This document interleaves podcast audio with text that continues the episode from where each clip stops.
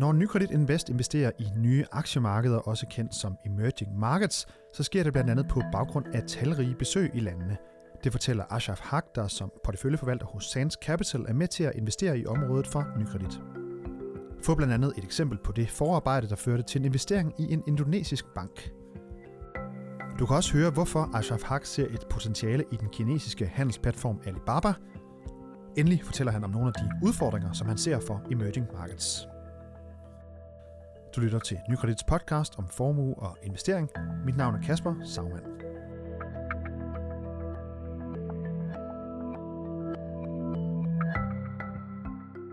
Hvis du vil med på vognen, når virksomheder vokser så store i udviklingsøkonomier som Indien, Kina og Sydafrika, ja, så kan Nykredit Invest, fond der hedder Nye Aktiemarkeder, måske være interessant for dig.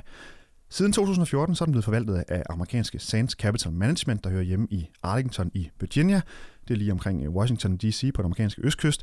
Og i dag der har vi en af de tre forvaltere med i studiet for at høre lidt mere om, hvordan Sands Capital arbejder med investeringer i de her vækstøkonomier, eller emerging markets, som de også hedder. And therefore, I will now switch to English and welcome you, Ashraf Haq. Thank you. You are portfolio manager with Sands Capital, and uh, I know that you've been with the company since 2008. Could you uh, maybe first of all uh, just uh, talk a little bit about your background coming into this uh, business? Sure. Uh, so, uh, as you mentioned, I've been at Sands for the last 10 years. Prior to that, I did uh, a couple of different things. I worked at a consulting company focused on strategy consulting. Uh, I also worked on a startup outside of school, and I worked on Wall Street for a few, uh, for about six months, learning how to do modeling and reading balance sheets and income statements. I went to business school, and then from, since then, I've been in the investing uh, world. Okay, and now you're one of three managers managing this fund first of all, uh, second of all, actually, why should one be interested in emerging market investments? Sure. So, as a growth investor, we really look for two things: uh, unit growth uh, and change that's driving unit growth. Uh, you know, different ways that people are spending their money or spending their time, and then innovation and disruption. And our view is that both of these things are present in the emerging markets. You're still seeing populations moving into cities. You're seeing incomes that are growing. Uh, and then you're seeing real disruption and innovation happening as, um, you know, if, for example, in, in with technology, smartphones, and internet-enabled businesses that are providing goods and services that weren't possible. We've seen uh, many of our U.S. and European businesses having increasing and more exposure to emerging markets, and so I think for a portfolio, it also makes sense that uh, you should have some exposure to this growth and, and, and change. But don't you also see disruption in uh, more developed markets like in, in Europe and so on? What what's the difference between between the disruption you see in emerging markets and developed countries? Yeah, no, we're actually we're, we're absolutely positive on the U.S. For example, Sands has a U.S. a global and an EM fund. Uh, the differences that we do see are, are demographics are, are are different and sometimes better in emerging markets. You still see population growth, which is sort of underlying a lot of uh, you know demand growth. You're still seeing productivity growth in emerging markets, whereas productivity growth has gotten more difficult in, in, in some of the developed worlds. Um, and so th- that's a strong foundation uh, under uh, that underlies uh, lots of businesses creating uh, value in, in these markets. Okay, and you're uh, you're uh, an inve- an investment team of around uh, 37 people. You're based in Arlington, uh, Virginia, as I mentioned in the beginning. Could you talk a little bit about how your team is uh, is made up?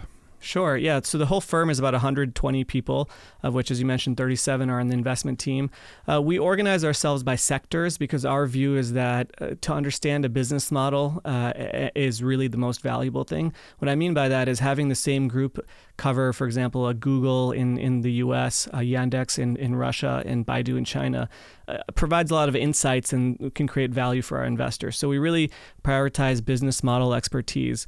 We then supplement that with a lot of travel to emerging markets. In any given year, we may spend 350, 400 days on the ground in emerging markets, visiting stores, visiting hospitals, meeting with policymakers and uh, experts, uh, meeting competitors of the businesses. So we uh, do very deep fundamental research. Uh, we, we, for example, in the second half of 2017, did focus groups in China, uh, Brazil, India, where we sat behind a, for example, a, a black wall, uh, a black mirror, and ask a group of uh, consumers, you know, about their pizza consumption habits, for example. So uh, that's the kind of deep fundamental research that we're able to do and the resources we're, we're able to bring to bear. Okay, and you are investing in, in a broad range of assets with uh, Sands Capital. Why did you choose emerging markets as one of your areas of focus?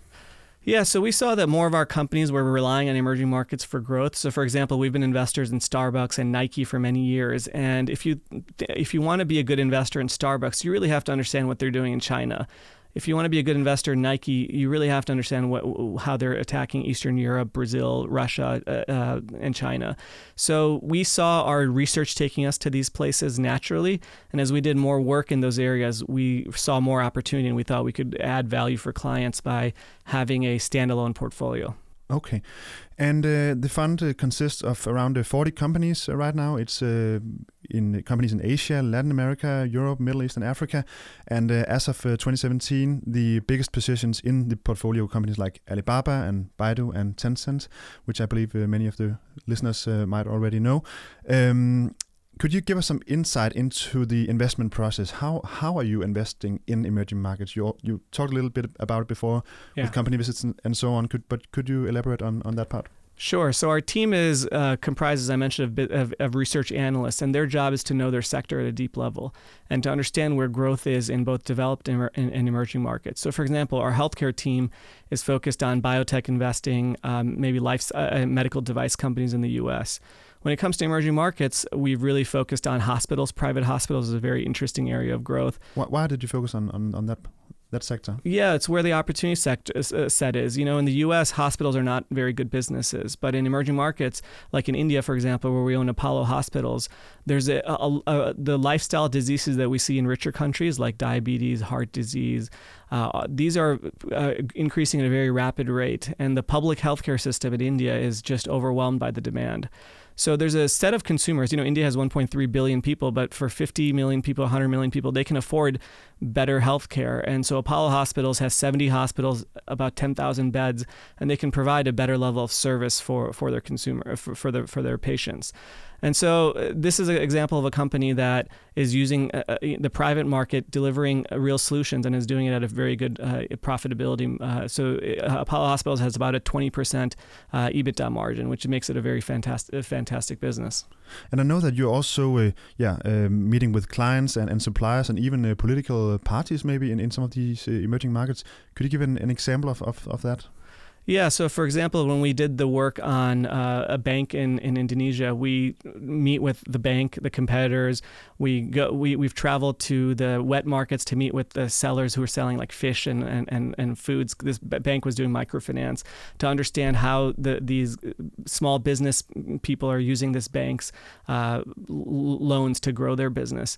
We also meet with the central bankers. We meet with the policymakers to understand the environment and the risk controls that they've put in place. And what we learned was surprising surprising that Indonesia, after the financial crisis of 1997, has put in place one of the more most robust regulatory frameworks in, in, in the entire world.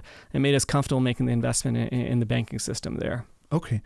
And also, we, we talked about uh, before we, we turned on the, the microphones here that we should maybe go through a, a process of, of, of, more concrete investment. We, we talked about maybe Alibaba. Sure. Uh, I know you have some interesting uh, opinions about that uh, company.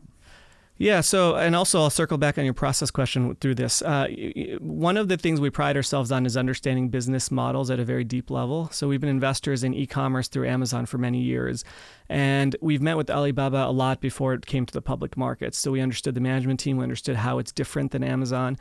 Um, how, how is it different than Amazon? The well, version? yeah, the short version is Amazon started off as a first party seller, so they would take inventory and then they would mark up the price and then sell it to consumers. And you had to do that in the early days of the internet to get trust.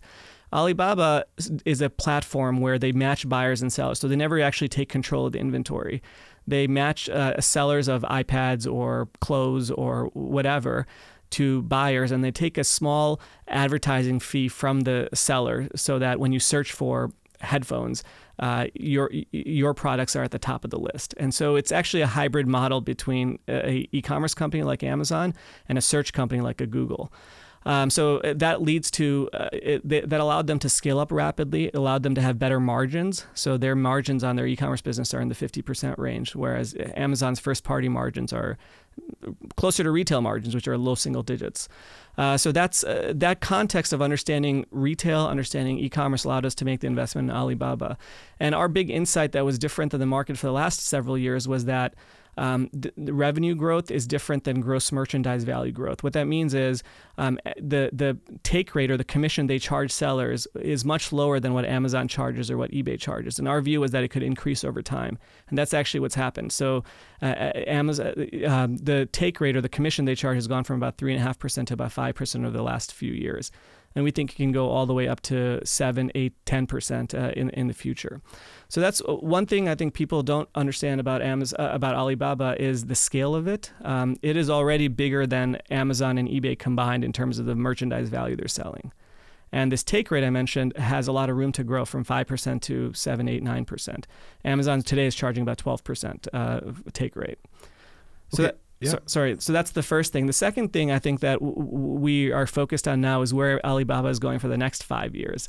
And grocery and food re- uh, grocery retail has been one of the toughest um, areas for e-commerce companies to crack. Uh, you might have seen that in the U.S., Amazon bought Whole Foods. They tried to do grocery for almost a decade by themselves, and they couldn't really succeed. So they finally went and bought Whole Foods.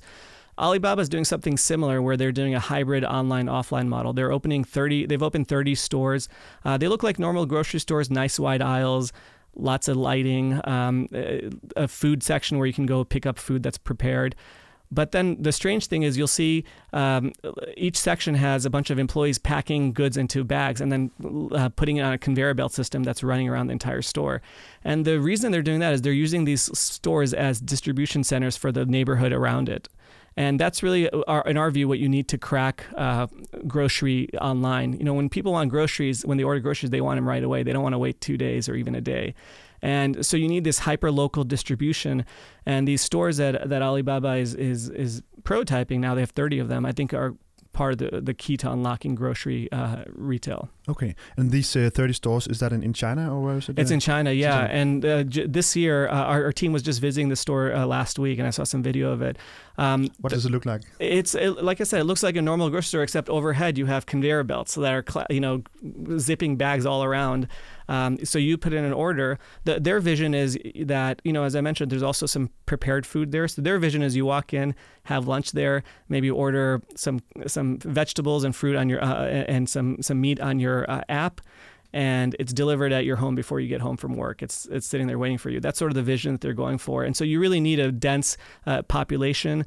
Uh, you need a, a, network of stores. Um, and so they're going to open probably 30 more in Beijing this this year.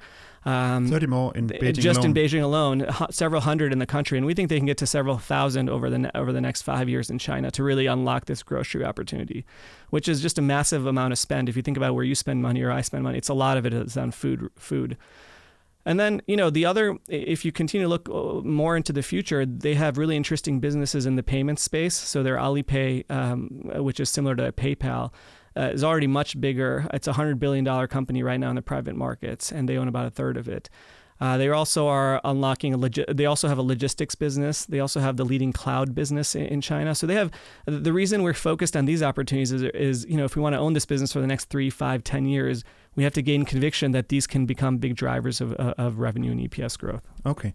And when we look at the, the top uh, 10 positions of the fund uh, at the end of 2017, uh, six of them were uh, what I would call internet companies. Sure. H has that been the case since the inception of the fund, uh, that overweight in, in internet companies? or?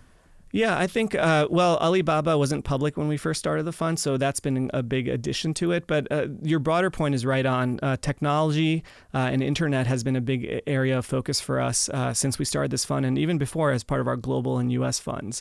Uh, the reason we think uh, the internet is such an interesting place is it's a secular driver of, of change. You know, I have very little ability to predict how what the GDP or interest rate is going to be in any country next year, but I know that you know, in India, for example, uh, uh, consumers with internet-enabled phones went from about 250 million to 500 million over the last year. So that is a very powerful secular change that's happening, and I can then see how that's going to impact travel growth or e-commerce growth or social media growth. Uh, it's much easier for us to get conviction in that than it is in, in macro changes that are happening across many countries. So that's why we like internet-enabled businesses. Okay, Ashraf, we are we are running out of time, unfortunately, but uh, let me just uh, ask you one or two more questions. Sure, uh, absolutely. Uh, what do you see as one of the most, uh, one of the biggest challenges for emerging markets uh, these days? Yeah, I think a couple of things. One, with the geopolitics that we're hearing with the Fed and the BOJ and ECB potentially tightening their balance sheets, with oil prices crashing and then rising, there's just a lot of macro uncertainty in EM. So I think you have to be very selective in emerging markets. Uh, there's also this idea that if you buy the benchmark, you're buying, uh, uh you know, 25% state-owned enterprise. You're buying businesses that we necessarily wouldn't want to buy because they're not acting in the best interest of shareholders. So I think the key to managing this uncertainty and key to managing this the, this um, landscape that's evolving rapidly is to take a very selective approach, be very active, own a few businesses, but own them at big weights, and that's what we're trying to do. Okay, and the last question: How do you see the the future for for EM? Some of the, the upcoming themes, maybe. Yeah, so to this point, a lot of what we've seen in EM is is catching up or copycat growth. So this, you know, Nike was great in in the U.S. So Anta, which is a footwear brand in China, is going to be great we're starting to see real innovation and leapfrogging happening in emerging markets. So, for example, some of the things we're seeing with biotech, we're seeing a lot of researchers go back to China uh, and Korea from the US or Europe, and now they're leading innovative life sciences companies. So, that's a new area of focus for us. Uh, esports is another area where we recently made an investment in a company called Garena in Southeast Asia. Esports, uh, for those not familiar, is uh, uh, you know playing video games online with people watching. It seems very foreign to to many people, but this is a huge area of growth uh, in in Asia. Uh, League of Legends, which is a Tencent game, recently had their championship tournament with 20 million people watching online, which is uh, you know, mind-boggling if you think about the number relative to NBA basketball or Major League Basketball or, or soccer in, the, in, in, in Europe. So those are a couple of areas we think there's lots of interesting businesses. And then, uh, you know, of course, with more cell phones and more um, internet-enabled businesses, we'll see opportunities in travel, in more, more e-commerce, more social media. So I think those are all areas where we're still focused. Okay. Thank you very much for that insight, uh, Ashraf Haq. You're welcome. It was very nice to talk to you. You too. And uh, this was uh, Emerging Markets Growth Portfolio Manager Ashraf Haq with Sands Capital, and also one of the three managers of Nykredit Invest nye aktiemarkeder. Du har lyttet til Nykredits podcast om formue og investering. Du kan følge podcasten hver uge på nykredit.dk eller iTunes, SoundCloud, Stitch og TuneIn. Og hvis du har idéer til emner, vi skal tage op i podcasten, så kan du sende en mail til podcast Tak fordi du lyttede med.